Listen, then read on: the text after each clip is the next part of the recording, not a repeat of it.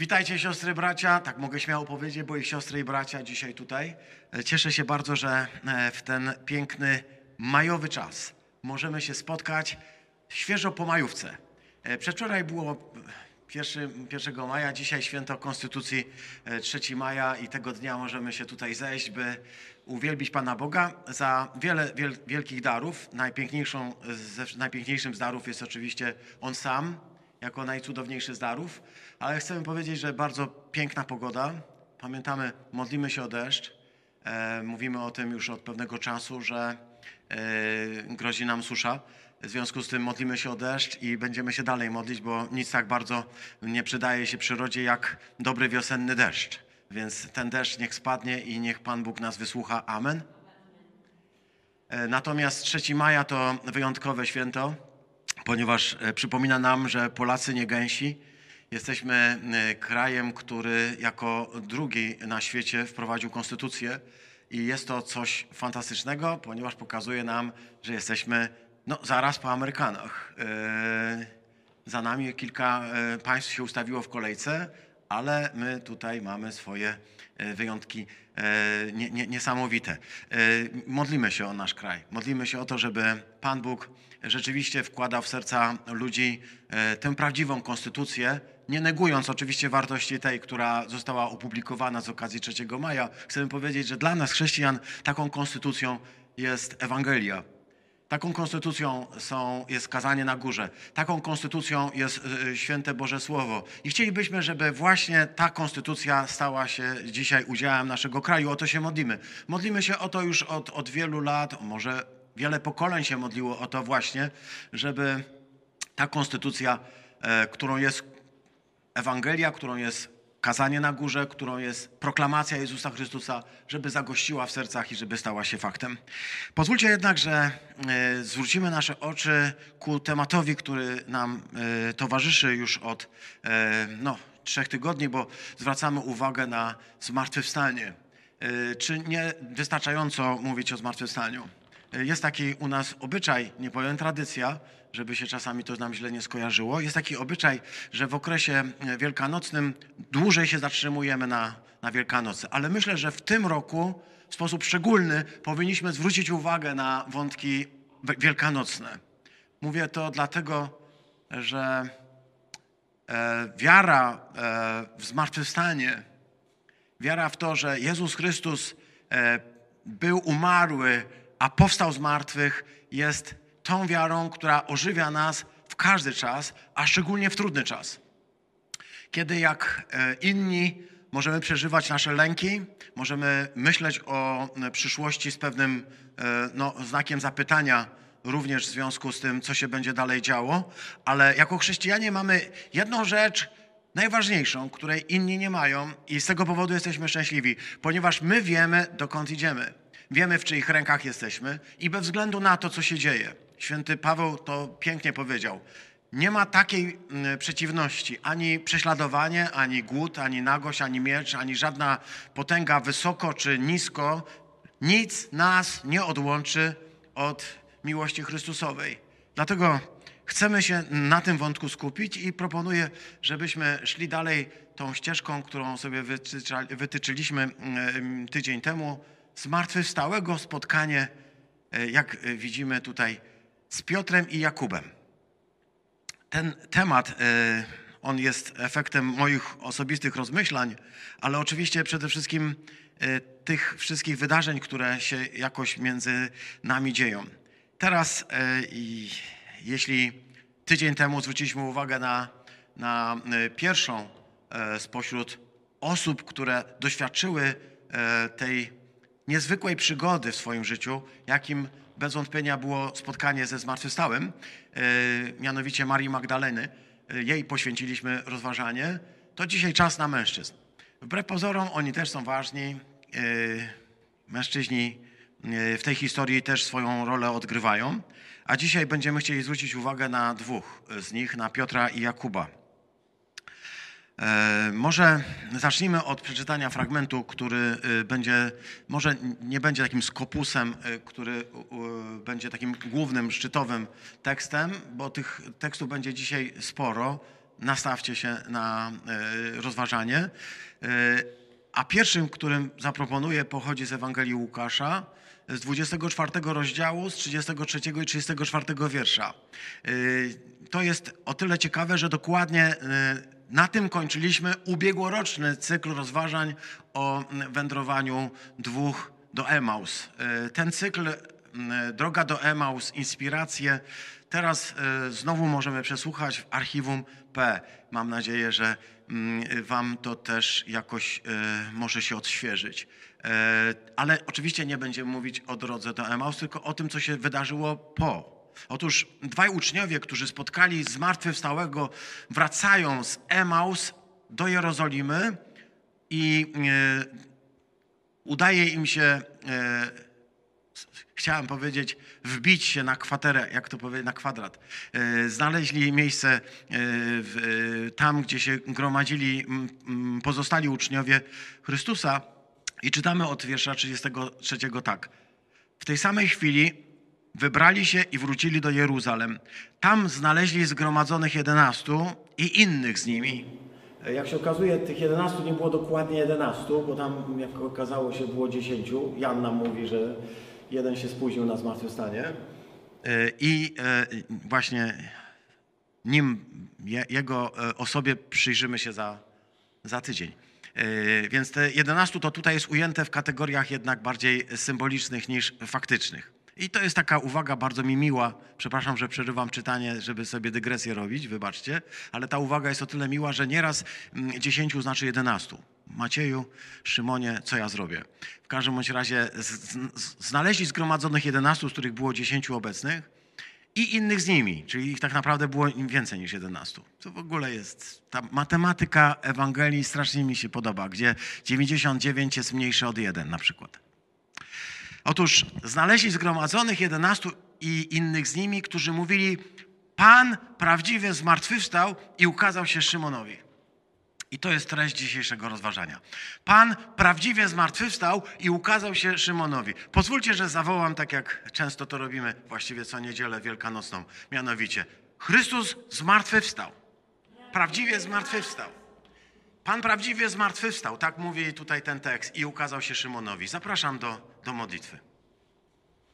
Dziękujemy Ci, Ojcze Wszechmogący, za to, że dałeś nam swoje słowo, by ono dzisiaj mogło dotrzeć do naszych serc. Spraw, Panie, aby przebiło każdy pancerz, każdą tamę, każdą próbę, y, która odgradza, wszystko to, co przeszkadza, Panie, aby zostało zniwelowane, aby zostało usunięte, aby pod wpływem mocy Twojego słowa nasze serca były całkowicie otwarte i gotowe na przyjęcie tej mocy, która pochodzi z wysokości, aby przemieniała. Tak, Panie, chcę, aby Twoje słowo przemieniało mnie, przemieniało nas, aby Twoje słowo przemieniło każdego, kto słucha, każdego, kto wierzy na Twój obraz ukształtowało, na Twoje podobieństwo, abyśmy byli podobni do Syna Bożego, do Chrystusa Jezusa, abyśmy mieli w sobie tę Jego twarz, to Jego oblicze, to Jego odbicie. Panie, Ojcze nasz, prosimy, wysłuchaj nas dzisiaj i spraw to nam. Niech tak się stanie w imię Chrystusa Jezusa. Amen.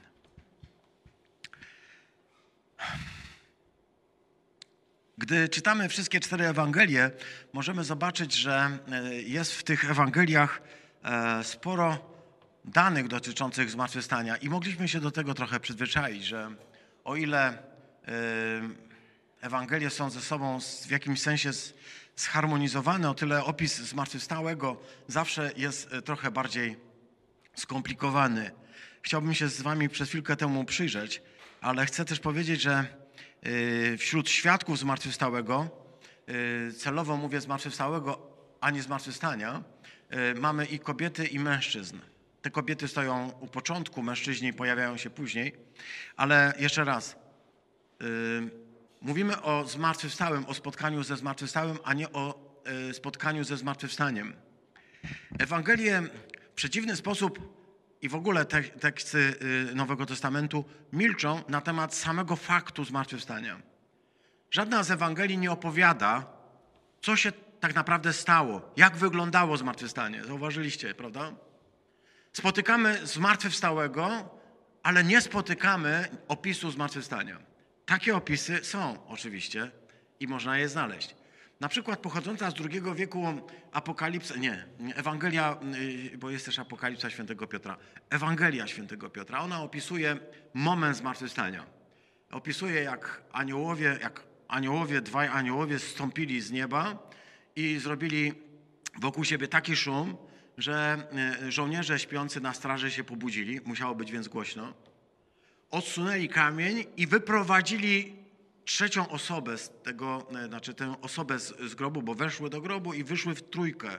I o ile ci dwaj aniołowie byli wysocy jak niebo, to ta trzecia postać była przewyższająca niebo i towarzyszył jej krzyż. I ci wstąpili do, e, do nieba razem z krzyżem. E, tak opisuje Ewangelia Piotra. Ta mm, gnostycka czy gnostycyzująca Ewangelia jest oczywiście fikcją, jest wysana z palca, ale pokazuje, że jakaś grupa chrześcijan jakoś chciała sobie wyobrazić zmartwychwstanie, ale zmartwychwstanie pozostaje tajemnicą. To, co mi się podoba, to to, że życie Jezusa zaczęło się, to ziemskie życie Jezusa tutaj zaczęło się e, właśnie w, gdzieś w skale, e, w jakimś miejscu, jak mówi e, tradycja też chrześcijańska e, w grocie narodzenia, w grocie skalnej narodzenia i jego życie też w grocie się e, zamyka. Ta grota skalna, ona musi mieć pewne znaczenie, ale pozwólcie, że dzisiaj nie poświęcę tej grocie więcej uwagi, pewnie będzie jeszcze czas. Tak mi się tutaj jakoś święty Augustyn przypomniał, może w pewnym momencie zobaczycie czemu. W innych, jest jeszcze taki mm, raport Piłata, taka e, gnostycka Ewangelia też opisuje, jak to pół nieba stąpiło na ziemię w czasie zmartwychwstania. I nam się to na pewno może skojarzyć z, z tym, że um, wszyscy ci aniołowie, którzy tam e, w czwartym, piątym rozdziale Apokalipsy się pojawiają, tutaj się w pewnym momencie muszą pojawić pod y, y, tą grotą zmartwychwstania, ale to oczywiście są wszystko absolutne wymysły. E, to, co możemy powiedzieć o e, zmartwychwstałym, to to, że go pewni ludzie mogli zobaczyć w pewnym momencie. I teraz może spróbujmy zobaczyć to w postaci wykresu, dobrze? Bo bez wykresu trudno mówić o dobrym kazaniu, dobra? Więc umówmy się, że że zobaczymy wykres. Pierwszego dnia po szabacie, tutaj pozwolę sobie e, odnieść się do tego, co tutaj widzimy. E, najpierw spotkała e, zmartwychwstałego Maria Magdalena, o której mówiliśmy w ubiegłym tygodniu, ale wiemy także, że wracające od grobu niewiasty w liczbie bliżej nieokreślonej, bo każda z Ewangelii troszkę inaczej te niewiasty przedstawia, E, spotkały idącego e, Chrystusa. On wyraźnie do nich szedł. To jest bardzo ciekawa, myślę, taka, e, myśl, taki wątek. Mianowicie one biegły do apostołów, a on im wyszedł naprzeciw. I czytamy, one z lękiem i radością pobiegły oznajmić uczniom, że anioł im mówił, żeby zanieśli tę dobrą nowinę, że Jezus powstał z, z grobu i żyje, a tymczasem Jezus wyszedł naprzeciw im i powiedział: Bądźcie pozdrowione. E, to tego dnia o poranku. One też go widziały. To one są tutaj, jakby powiedzieć, e, mają tę palmę pierwszeństwa. A potem pojawi się e, zmartwychwstały, E, czytamy tak w jakiejś kolejności, musiałem sobie to uporządkować. Wybaczcie, że jesteście świadkiem uporządkowywania. Te slajdy służą temu, by, bym sobie też pewne rzeczy uporządkował. Szymon Piotr będzie następnym, który spotkał zmartwychwstałego, a potem e, spotkają go także dwaj idący do Emaus. Pamiętacie? I wreszcie pod koniec tego pierwszego dnia po szabacie spotka go pozostałych dziesięciu. E, i mm, ci zebrani razem z nimi będą mogli wszyscy powiedzieć dosłownie to, co przed chwilką przeczytaliśmy. E, Prawdziwie zmartwychwstał i ukazał się Szymonowi, a oni opowiedzą o swoim spotkaniu ze zmartwychwstałym. To wszystko pierwszego dnia. Tu mamy pewną grupę osób, a więc jeszcze raz Maria Magdalena, bliżej nie e, liczba kobiet idących od grobu, dwóch uczniów idących z Emaus, Szymon Piotr, a na koniec także mm, inni apostołowie. E, Potem ósmego dnia pojawi się jeszcze e, kolejny raz, aby spotkać się z jedenastu, w tym razem już e, również z, Tymoteu, z Tomaszem, aby z kolei w, tam, w kolejnych tygodniach, jak możemy się zorientować, z jednej strony yy, widzimy tutaj, że było 11 uczniów, którzy poszli na górę w Galilei, ale także inni uczniowie z nimi poszli. I jednocześnie pamiętamy historię z 21 rozdziału Ewangelii Jana, gdzie czytamy, że siedmiu e, uczniów poszło łowić ryby, ponieważ Piotr powiedział, idę łowić ryby, oni poszli z nim. Wreszcie pojawia się także Jakub, brat pański, który też e, gdzieś w tym czasie, choć trudno dokładnie określić dokładnie w którym momencie, może i, i wcześniej, pojawia się nam jako ten, który spotkał e, zmartwychwstałego. A wreszcie jedenastu i inni uczniowie w Jerozolimie idą na górę oliwną i tam spotykają zmartwychwstałego, który na ich oczach unosi się ku górze. A więc tych spotkań zmartwychwstałego opisywanych w Ewangeliach i na początku dziejów apostolskich było wiele, skoro święty Paweł napisze w pierwszym liście do Koryntian, że ponad 500 braci, którzy żyją, część już umarła, e, spotkało zmartwychwstałego. Jest, więc y, to jest fenomenalna rzecz. To, że my się dzisiaj gromadzimy w kościele, to, że my słuchamy Ewangelii, to dlatego, że On im się ukazał i my na tych wiarygodnych świadectwach oparci doświadczamy także spotkania ze zmartwychwstałym. Ale to nasze spotkanie jakby koreluje z ich spotkaniem. W tym sensie to oni byli pierwszymi świadkami, którzy te spotkania opisywali. Najstarszym wyznaniem wiary chrześcijańskim jest to, które znajdujemy w pierwszym liście do Koryntian w 15 rozdziale. Tam święty Paweł mówi, że coś przejął, a przy, przypominam, on się nawrócił jakieś 2-3 lata po śmierci Chrystusa i kiedy on mówi, że on coś przejął, to znaczy, że to musiało być w latach 30. I wieku, dlatego mówię, jest to najstarsze wyznanie. E, tak mówią bibliści. Mówią tak, w pierwszej kolejności święty e, Paweł mówi, w pierwszej kolejności przekazałem wam to, co sam przyjąłem. Że Chrystus umarł za nasze grzechy zgodnie z Pismem i że został pogrzebany i trzeciego dnia wskrzeszony zgodnie z Pismem. A potem mówi, ukazał się Kefasowi, a potem dwunastu. Następnie ukazał się ponad 500 braciom równocześnie. Większość z nich żyje do dziś, niektórzy już umarli. Następnie ukazał się Jakubowi, a potem wszystkim apostołom a w końcu ukazał się mnie. I Paweł będzie mówił o tym spotkaniu z Chrystusem, a my to spotkanie z Chrystusem zmartwychwstałym e, przewidujemy sobie za kolejny tydzień. E, będzie to wtedy zmartwychwstałego spotkanie z Pawłem. Te e, trzy postaci, czyli wymienieni tutaj z imienia Kefas, Jakub i Paweł, to spośród tych wszystkich osób konkretne e, wydarzenia, konkretni ludzie i to jest coś, e, na co chcę dzisiaj zwrócić Waszą uwagę.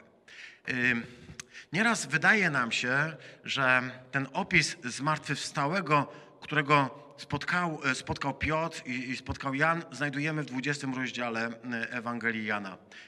To jest ten początek tego 20 rozdziału. Później kontynuować będzie ten wątek 20 mm, e, rozdziału, e, to co czytamy o Marii Magdalenie. Otóż Maria Magdalena, czytamy, przybiegła do apostołów, gdy zorientowała się, że nie ma go w grobie. Przybiegła z wielkim krzykiem i, i, i płaczem bez wątpienia, bo jak wiemy, płakała, yy, mocno płakała, kiedy usłyszała, kiedy zobaczyła, że, że grób jest pusty nie mogła dojść do siebie, więc jak przybiegła y, rozhisteryzowana kobieta, tak możemy powiedzieć, która mówi, zabrali Pana z grobowca, z grobowca i nie wiemy, gdzie go położyli. To nie wiemy sugeruje, że ona nie była tam sama, tak? Czyli tutaj jest jakaś taka korelacja. Dlaczego Jan uwzględnia tylko ją, nie pisze o innych, to już jest pewna tajemnica, ale ona mówi, nie wiemy, gdzie go położyli. Nie, nie wiem, tylko nie wiemy. Czyli jakby w imieniu innych kobiet mówi. Więc czytamy tutaj dalej tak. Wyszedł więc Piotr i ten drugi uczeń i poszli do grobowca. Czytamy, że oni tak szli, szli, ale jak tak szli, to biegli. To trochę tak nam przypomina klasyka. Więc poszli do grobowca i biegli obaj. Lecz ten drugi uczeń biegł szybciej od Piotra i pierwszy przybył do grobowca i zaglądnąwszy zobaczył leżące płótna, jednak do środka nie wszedł. Przybył również Szymon Piotr, który mu towarzyszył i wszedł do grobowca i oglądał płótna leżące i chustę, która była na jego głowie, nie leżącą z płótnami, ale osobno zwiniętą w jednym miejscu. Wtedy wszedł i ten drugi uczeń, który pierwszy przybył do grobowca i zobaczył i uwierzył. Jeszcze bowiem nie znali pisma, że trzeba było, by on powstał z martwych. Odeszli więc uczniowie z powrotem do siebie. Ten tekst opowiada e, tę historię, którą doskonale znamy z tego e, okresu zmartwychwstania. Mianowicie mówi o tym, że mm, obudzeni przez tę kobietę, e, wybici pewnie z pewnego smutku, rozpaczy, rozmyślań, no tak jak to ludzie, którzy właśnie przed chwilką pokochowali kogoś szczególnego, kogoś, kogo kochali, rozbici jeszcze taką dodatkowo fatalną wiadomością, że nie wystarczyło jego wrogom, że go zamordowali, że go w okrutny sposób zabili, to jeszcze postanowili sprofanować jego ciało. Więc ta wieść jeszcze dodatkowo ich przybiła, ale jednocześnie była jakimś takim dziwnym yy, promieniem, który yy, zaczął ich ożywiać. To spowodowało, jak czytamy, że zaczęło ich to nieść. Czytamy, że nie szli już, nie szli, zaczęli biec. Ta historia jest oczywiście pod tym względem absolutnie fajna. I kiedy czytamy, że dotarli i oglądali te wszystkie rzeczy, to o Janie, czyli tym drugim uczniu, jest powiedziane, że kiedy wszedł do grobowca, zobaczył i uwierzył. Wydaje się, że to zobaczył i uwierzył dotyczy tego, że zobaczył płótna leżące i to spowodowało, że w jego sercu pojawiła się głęboka wiara, że Jezus zmartwychwstał. Są nawet takie argumenty, które za tym mówią, bo jeśli y, rację mają ci, którzy przedstawiają rzecz w ten sposób, że Jezus owinięty był w całun, y, który zwijał jego ciało i jakby przeniknął ten całun, to ten e, całun stworzył taki kokon, tym bardziej, że mm, był namaszczony różnego rodzaju olejami, maściami, więc tworzył pewien taki kokon. Widać było, że ten, który z niego się wydobył, nie wyszedł, nie został wyjęty, tylko jakby wyparował e, z tego miejsca. I, i nagle po prostu lekko to wszystko e, e, się wklęsło, ale widać, że to nie było tak rozerwane. Zresztą po co kogo wynosić w taki sposób? Zresztą jak wynieść go w taki sposób? I niektórzy mówią, aha, i Jan uwierzył. Ja chcę powiedzieć, że nie bardzo bym się zgodził z taką koncepcją. On nie uwierzył w to, że Jezus zmartwychwstał. On uwierzył, że go tam nie ma.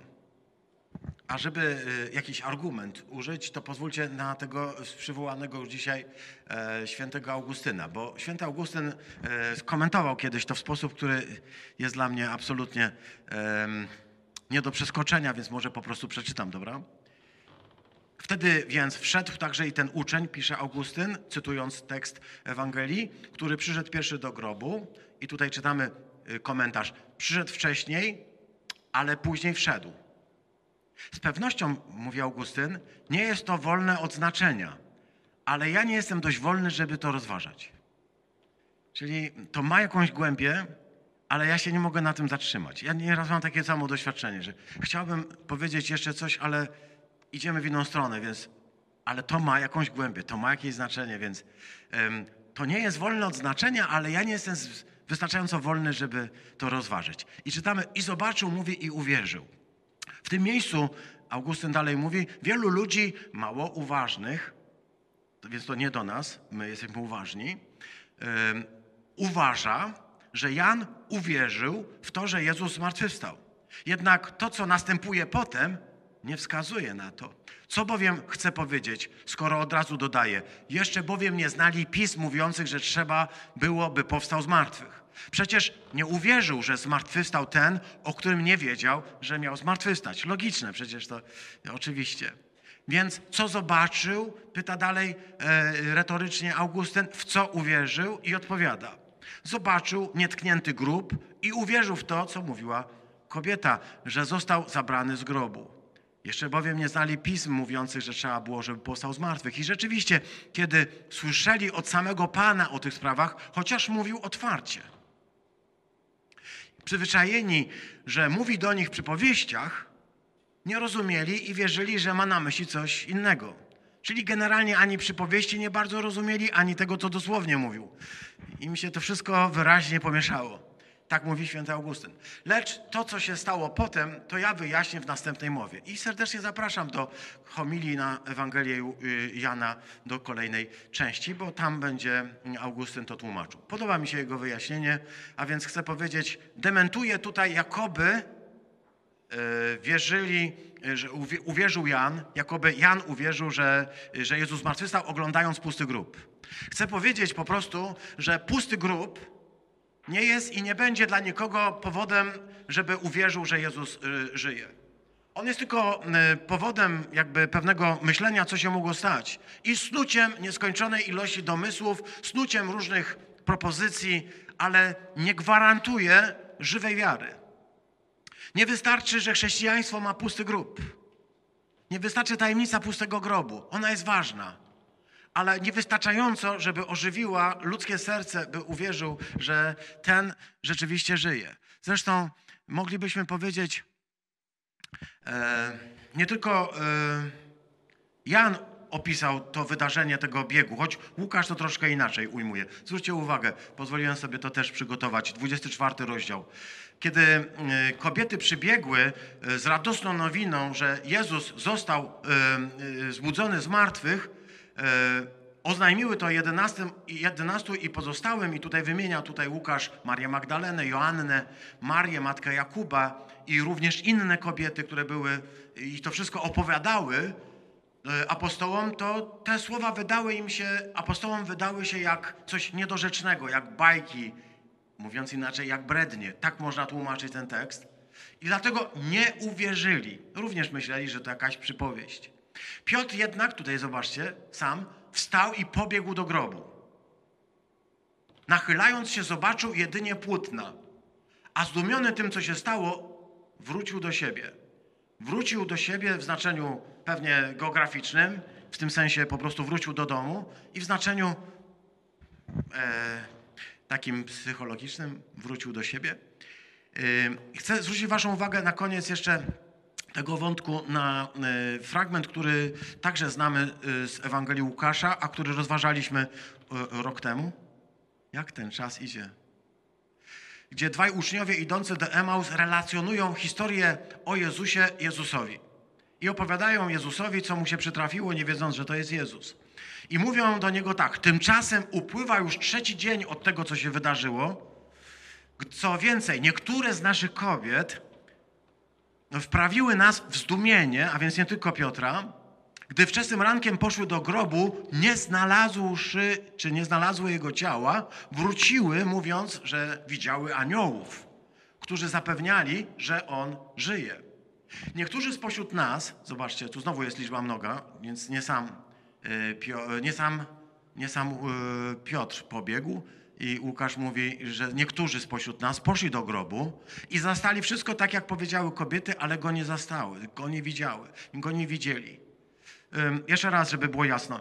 E, gdy czytamy, że wszedł do grobu zobaczył i uwierzył, to jeszcze raz niekoniecznie musiał uwierzyć w to, że Jezus zmartwychwstał, ponieważ ci uczniowie idący do Emaus znają tę historię. Oni musieli wyruszyć do Emaus już po tym, kiedy się e, cała rzecz rozniosła i jeszcze ich wprowadziła w pewną konsternację, ale myśl o tym, że on zmartwychwstał, nie pojawiła się im jeszcze w głowie. Słyszeli tylko, że kobiety coś opowiadały, słyszeli o tym, że byli jacyś ludzie u grobu, zobaczyli, że rzeczywiście jest tak, jak kobiety mówią. Uwierzyli kobietom, że grób jest pusty, ale nie mieści się w głowie jeszcze żadna inna myśl. Chcę powiedzieć, że myśl o zmartwychwstaniu jakby się powolutku y, klaruje, powo, powo, powolutku y, wynika, może wynika z tego, co byśmy nazwali zdumieniem Tak, zdumienie to jest dobre słowo, które się tutaj pojawia, bo ono się pojawia przede wszystkim u Łukasza. Zdumiony tym, co się stało, wrócił do siebie. Zdumienie. Zdumienie to jest coś w, w, takiego ciekawego, coś bardzo fajnego. To jest sytuacja, w której człowiek jest zaskoczony tym, co się dzieje, bo wyobrażał sobie pewne sytuacje inaczej, a teraz pojawia się zupełnie nowa sytuacja. Coś lub może ktoś jest inny niż się spodziewam, niż sobie to wyobrażam. Jest to coś, co mnie zaskoczyło. Bywa tak, że zdumienie może być początkiem wiary. Jeżeli dasz się zdumieć Bogu, to może On cię poprowadzić do wiary i jest to bardzo ważny krok. Właściwie tak się rodzi wiara. Wiara się rodzi ze zdumienia. Ze zdumienia nad tym, co Bóg zrobił. Żeby było zdumienie, y, ja muszę y, jakby y, zauważyć, że to, co jest, to, co mi Pan Bóg pokazuje, to, co mi pokazują pewne okoliczności, jest inne niż ja się spodziewałem. Wtedy może nastąpić zdziwienie, zaskoczenie i zdumienie. Yy, wróćmy do, do Piotra, bo on jest bohaterem. Powiedzieliśmy, że nie dlatego stał się człowiekiem wierzącym, bo zobaczył pusty grób. Stał się człowiekiem zdumianym, zdumionym. Był zdziwiony, był zaskoczony rozmyślał, zastanawiał się, próbował sobie to wyjaśnić. Kiedy wrócił do swoich, może razem z Janem, zaczęli rozmawiać, co się mogło stać. A potem wieczorem, kiedy przybyli już e, ci dwaj idący do Emaus i mówili radośnie, że widzieliśmy Pana, to grono odpowiedziało: My to wiemy, ponieważ pokazał się, objawił się, ukazał się Szymonowi. Czyli chcę powiedzieć, między e, tym porannym wędrowaniem do pustego grobu, a wieczornym spotkaniem z uczniami z Emaus, pomiędzy tymi dwoma wydarzeniami zdarzyło się coś jeszcze. Pan ukazał się Szymonowi. Jest to coś ciekawego, bo zobaczcie, jakie to e, proste. Pan ukazał się Szymonowi. Wspomina o tym Łukasz, wspomina o tym także yy, sam Paweł, tak, w liście do Koryntian, kiedy mówi, Pan e, ukazał się, ukazał się najpierw Szymonowi, potem dwunastu, potem e, pięciuset braciom, potem Jakubowi, potem apostołom, a na końcu także mnie. A więc możemy tu powiedzieć, ta kolejność jest tutaj e, absolutnie zaskakująca. Ta, to zaskoczenie, które się pojawia, ono ma y, ciekawe źródło. Ja bym chciał najpierw zwrócić uwagę, ponieważ kiedy y, Pan pojawił się i ukazał się ostatecznie niewiastom, to powiedział im tak: idźcie do uczniów, to znaczy to, to mówią aniołowie, idźcie do uczniów i powiedzcie Piotrowi, że ma iść do Galilei, tam was y, poprzedzi. To są takie bardzo ciekawe smaki. Nie wiem, czy je e, czujecie. Ponieważ jakby wszystko w tym zmartwychwstaniu rozbija się o tego Piotra. Zmartwychwstanie, w którym oczywiście postacią centralną jest zmartwychwstały, ale ten zmartwychwstały w jakiś sposób szczególny zwraca się do Piotra. My mogliśmy mówić tydzień temu, że on w sposób szczególny mówił do Marii Magdaleny. Ona pokochała, ona go zobaczyła. Ale on e, zmartwychwstały każe iść e, tym kobietom, aby poinformowały Piotra. Jezusowi w jakiś sposób szczególny zależy na tym, żeby Piotr usłyszał. Żeby do Piotra dotarła ta wiadomość. No cóż, teraz czas już yy, zwrócić uwagę na tego Piotra. On miał zły czas czuł na pewno wyjątkowo, e, wy, czuł się wyjątkowo kiepsko po tym wszystkim, co się stało. Możemy się spodziewać, czemu się tak kiepsko czuł. Ponieważ zwyczajnie zdarzyło się, że zawiódł na całej linii. Nie był z Jezusem, gdy ten go potrzebował.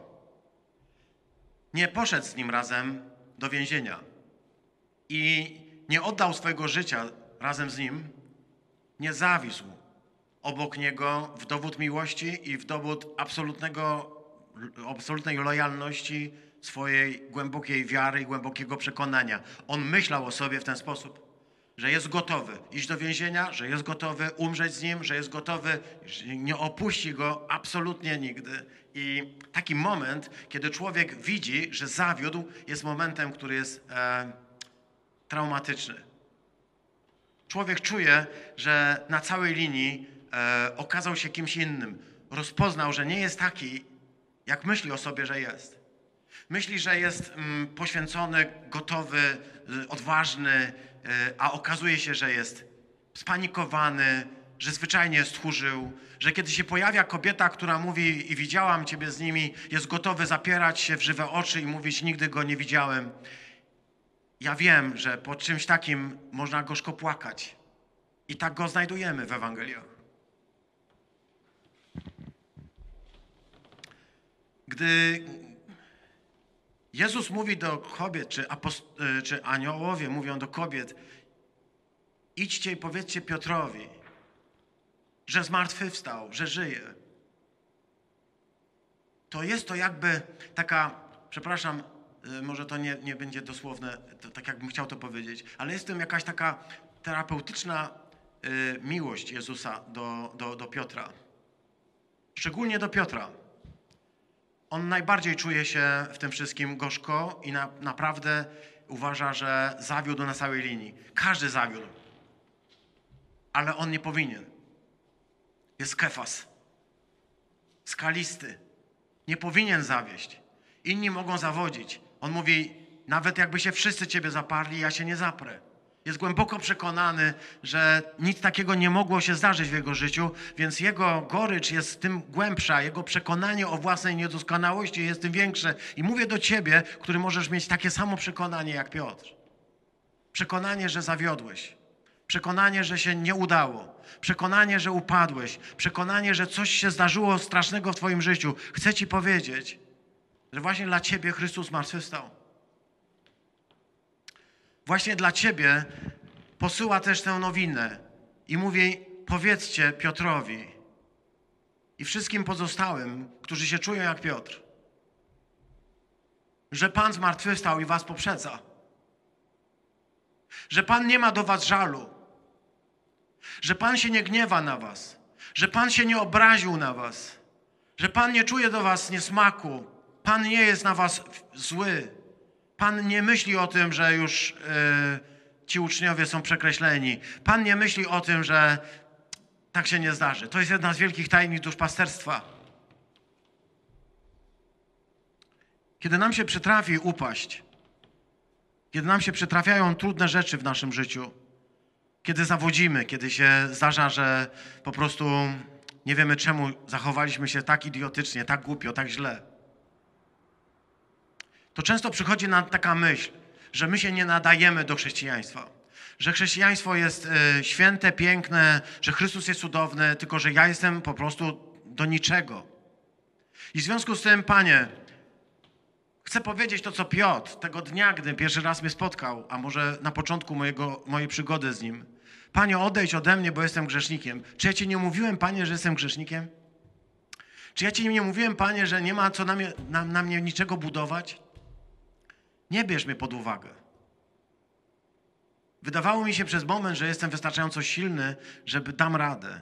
Ale chcę Ci powiedzieć, dzisiaj widzę, że nie daję radę. Ja to wiedziałem tam w Łodzi, gdy siedziałem tam i gdy zobaczyłem ten cudowny połów ryb i kiedy uświadomiłem sobie, że ty nie jesteś normalnym człowiekiem. Ja już wtedy wiedziałem, że jesteś zbyt święty dla mnie. I teraz to zobaczyłem znowu, jeszcze głębiej, jeszcze bardziej. Moja pustka, moje grzeszności, moja słabość, moja niewierność, moja, e, moje zaparcie pokazały mi naprawdę, kim jestem. I ja z tego powodu chcę Ci powiedzieć: odejdź ode mnie, Panie. Nie dam rady. Ja nie mogę. Ja nie mogę być z Tobą, bo ja już sobie nie mogę dowierzać. Nie dowierzam sobie. Dla Ciebie jest Ewangelia, Piotrze. Dokładnie dla Ciebie. Dla każdego, kto dzisiaj może mieć poczucie, że w czymś zawiódł. Ponieważ Pan wiedział, że zawiedzie. Pan powiedział, gdy się nawrócisz, wzmacniaj, umacniaj braci, bo wiem, wierzę, że się nawrócisz. Ponieważ wiem, wierzę, mówi Jezus, że Twoja historia nie musi być historią upadku, rezygnacji i końca.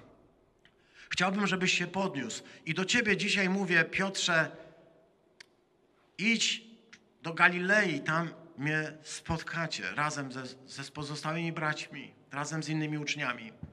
Czy to nie jest fantastyczna wiadomość? Czy nie warto o tym mówić?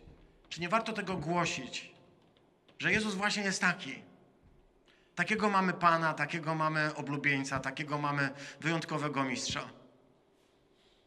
Inni powiedzieliby: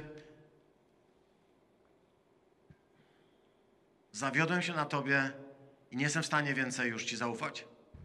Zawiodłem się i nie chcę mieć więcej z Tobą do czynienia. Okazałeś się nawet gorszy niż myślałem. A zamiast tego spotyka Piotr, spotyka kogoś, kto mu uwierzy. Ja, ja nie znam tego momentu, nikt nie wie. Kiedy Piotr spotkał Jezusa? To było gdzieś między porankiem a wieczorem. Nikogo przy nim nie było, bo spotkał go sam. Poszedł może tam w te miejsca, bo wiesz, gdy jest taka, takie trudne doświadczenie, człowiek idzie najczęściej w takie miejsca albo całkowitej samotni, albo może w takie miejsca, które mu przypominają tą, tę osobę, która zmarła. Może poszedł do ogrodu oliwnego, może sobie usiadł gdzieś tam obok tego miejsca, gdzie przed chwilką modlił się jeszcze niedawno, jeszcze to miejsce nie ostygło. Może był gdzieś tam przy tym kamieniołomie z trupią, trupiej czaszki, przy tej Golgocie. Usiadł sobie tam i jak Maria Magdalena znowu zapłakał, zadumiał się i zadziwił. Już nie wiedział, co się dzieje. Słyszał tylko taką, wiado taką wiadomość. Ona przebiła się przez jego myśl, a brzmiała: Powiedzcie Piotrowi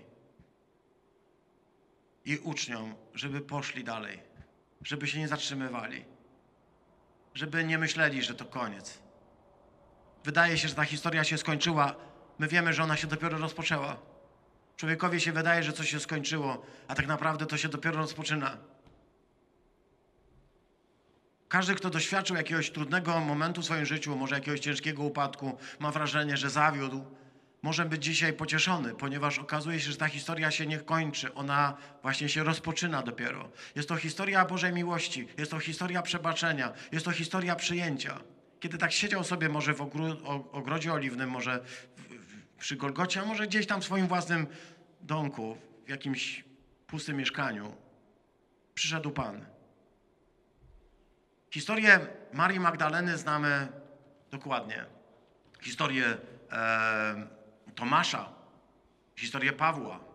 Ale co się tak naprawdę stało tego dnia między Piotrem a Jezusem, nie wiemy i się nie dowiemy, bo to było ich intymne, absolutnie święte spotkanie. Spotkali się dlatego, że kochał. Spotkali się dlatego, że miał czas usiąść sobie sam i zapłakać. Spotkali się dlatego, że Bóg nie jest taki, jak się nam wydaje, że jest. Nie jest pamiętliwy, nie jest złośliwy i nie ma ochoty nas pozabijać. Nie jest dokładnie taki, jak nam podpowiada starodawny wąż. Jest miłosierny, łaskawy, życzliwy, dobry. Ta historia Piotra, a przede wszystkim fakt, że jest kompletna cisza, że poza tym, co mówi Łukasz, z tym wielkim okrzykiem, Pan rzeczywiście zmartwychwstał, ukazał się Szymonowi, poza tym, co powiedział Paweł, ukazał się najpierw Szymonowi, ukazał się najpierw Kefasowi. Poza tymi krótkimi, prostymi zdaniami y, nie ma nic więcej, a w nich jest taki ładunek, rzeczy, które chciałoby się usłyszeć. Wiemy, że potem znowu się z nim spotkał. Wiemy, że się wielokrotnie jeszcze spotkali. Wiemy, że musiał Piotr wyznać, że miłuje go i jak trzy razy się go zaparł, tak trzy razy publicznie się do niego musiał przyznać. Może po to, żeby też coś się wydarzyło w wymiarze społecznym. Żeby także wspólnota zobaczyła, że Piotr nie jest gorszy od nich, że jest jednym z nich. Ale najpierw jest to intymne spotkanie z samym Chrystusem. Ono dokonuje się w ciszy, w samotności. Tam przełamują się bariery, bo ja nie tylko muszę usłyszeć we wspólnocie, ja muszę usłyszeć w relacji z samym Chrystusem, co się tak naprawdę dzieje. Dlaczego powiązałem tę osobę z, e, z Jakubem? Dlaczego powiązałem Piotra z Jakubem? Z jednego powodu. Ponieważ o Jakubie wiemy dokładnie, o spotkaniu Jakuba z Chrystusem wiemy dokładnie tyle samo, co o spotkaniu e, z, z Piotrem. To konkretnie Paweł mówi nam tylko, że ukazał się Jakubowi. Popatrzmy się na chwilkę jeszcze na Jakuba. Jakub jest jednym z braci Jezusa. My mówimy o tym, że był rodzonym e, bratem, ale to bez względu na to, jak tam się to będzie teraz rozmyślało, to nie jest ważne. Był bratem, wychowywali się razem. W Nazarecie w synagodze powiedzieli o Jezusie, że on jest synem cieśli, on jest cieślą, synem Marii, a bratem Jakuba, Jozesa, Judy i Szymona. I mówi dalej tekst Ewangelii Marka, a siostry jego, czy nie żyją także wśród nas?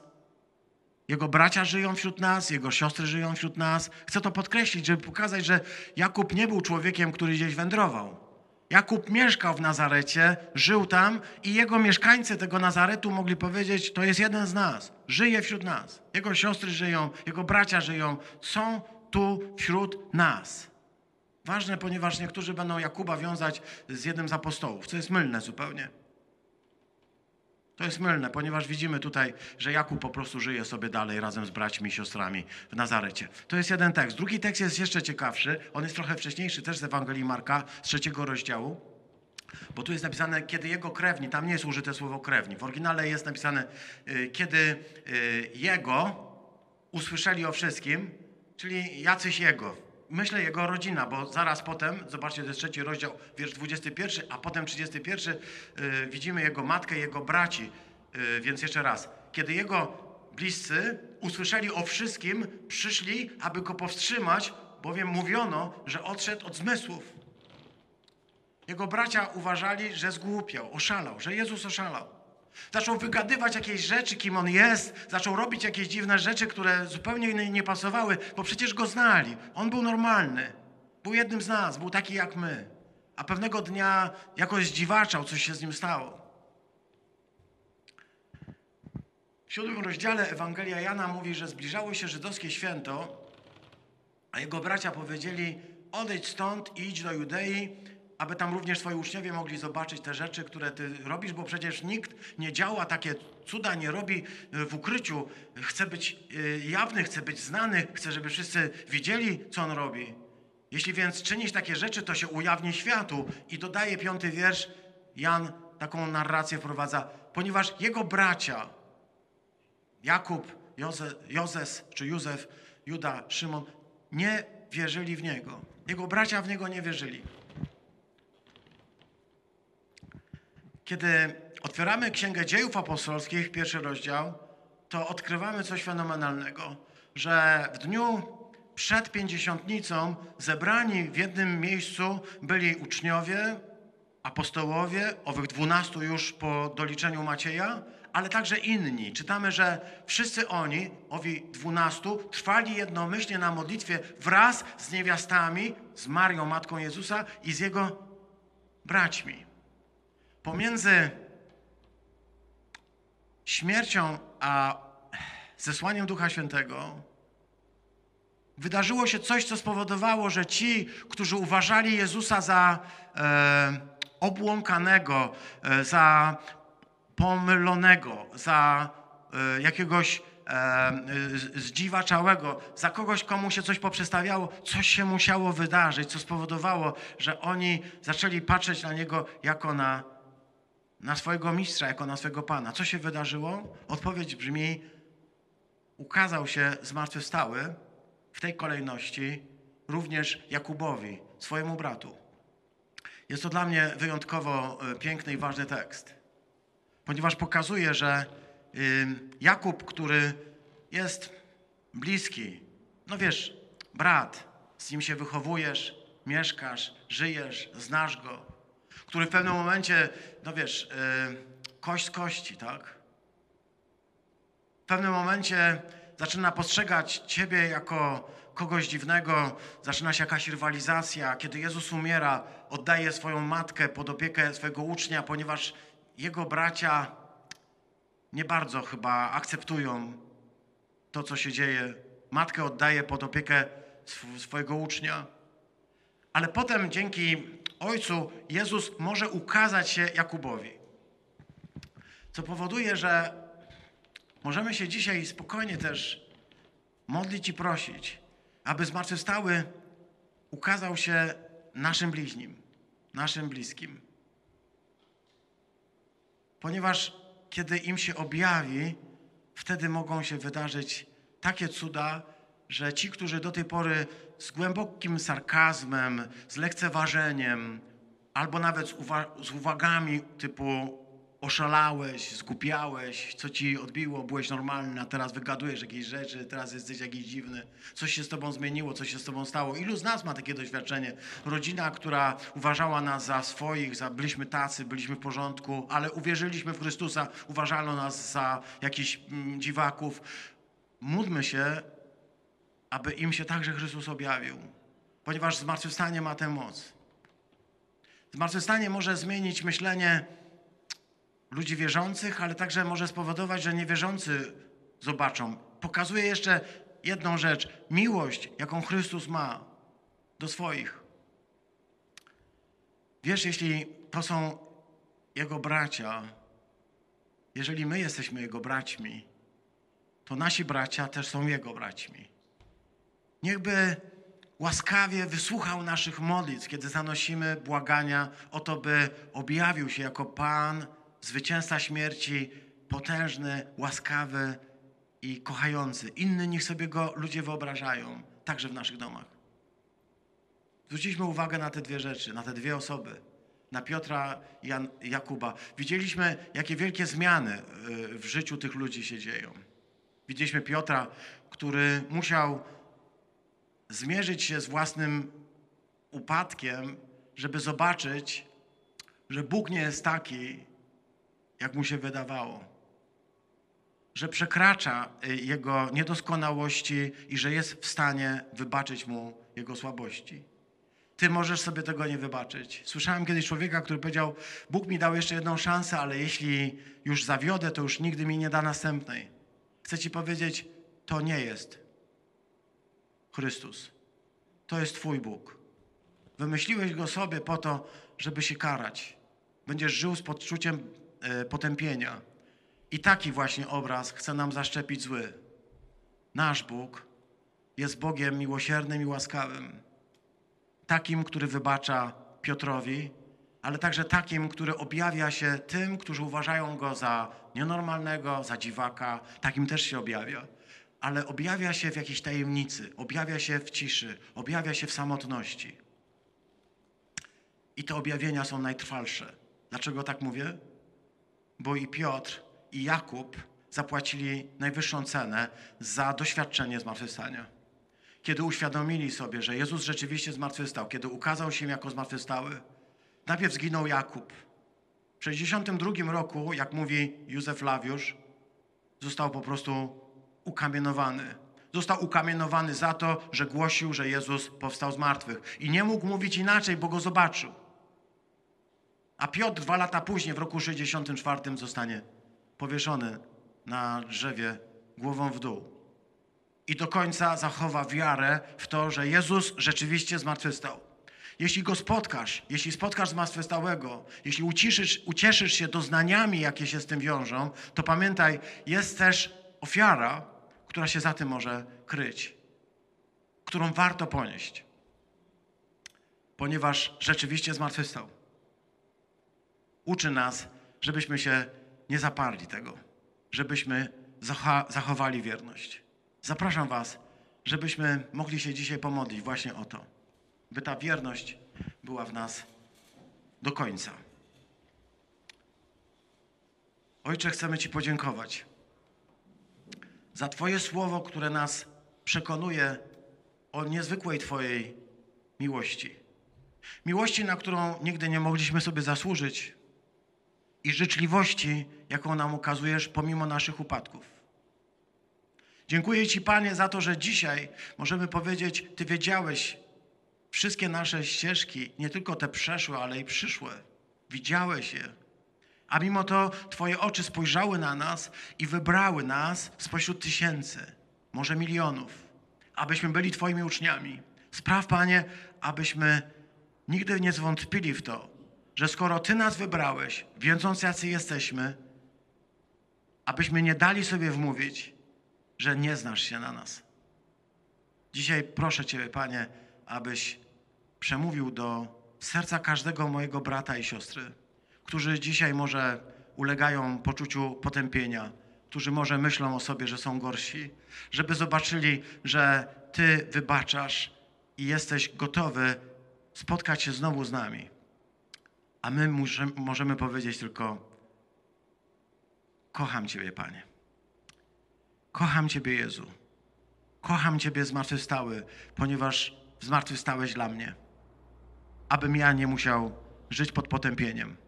Kocham Ciebie i dziękuję Ci za to. Tobie niech będzie chwała na wieki wieków. Amen.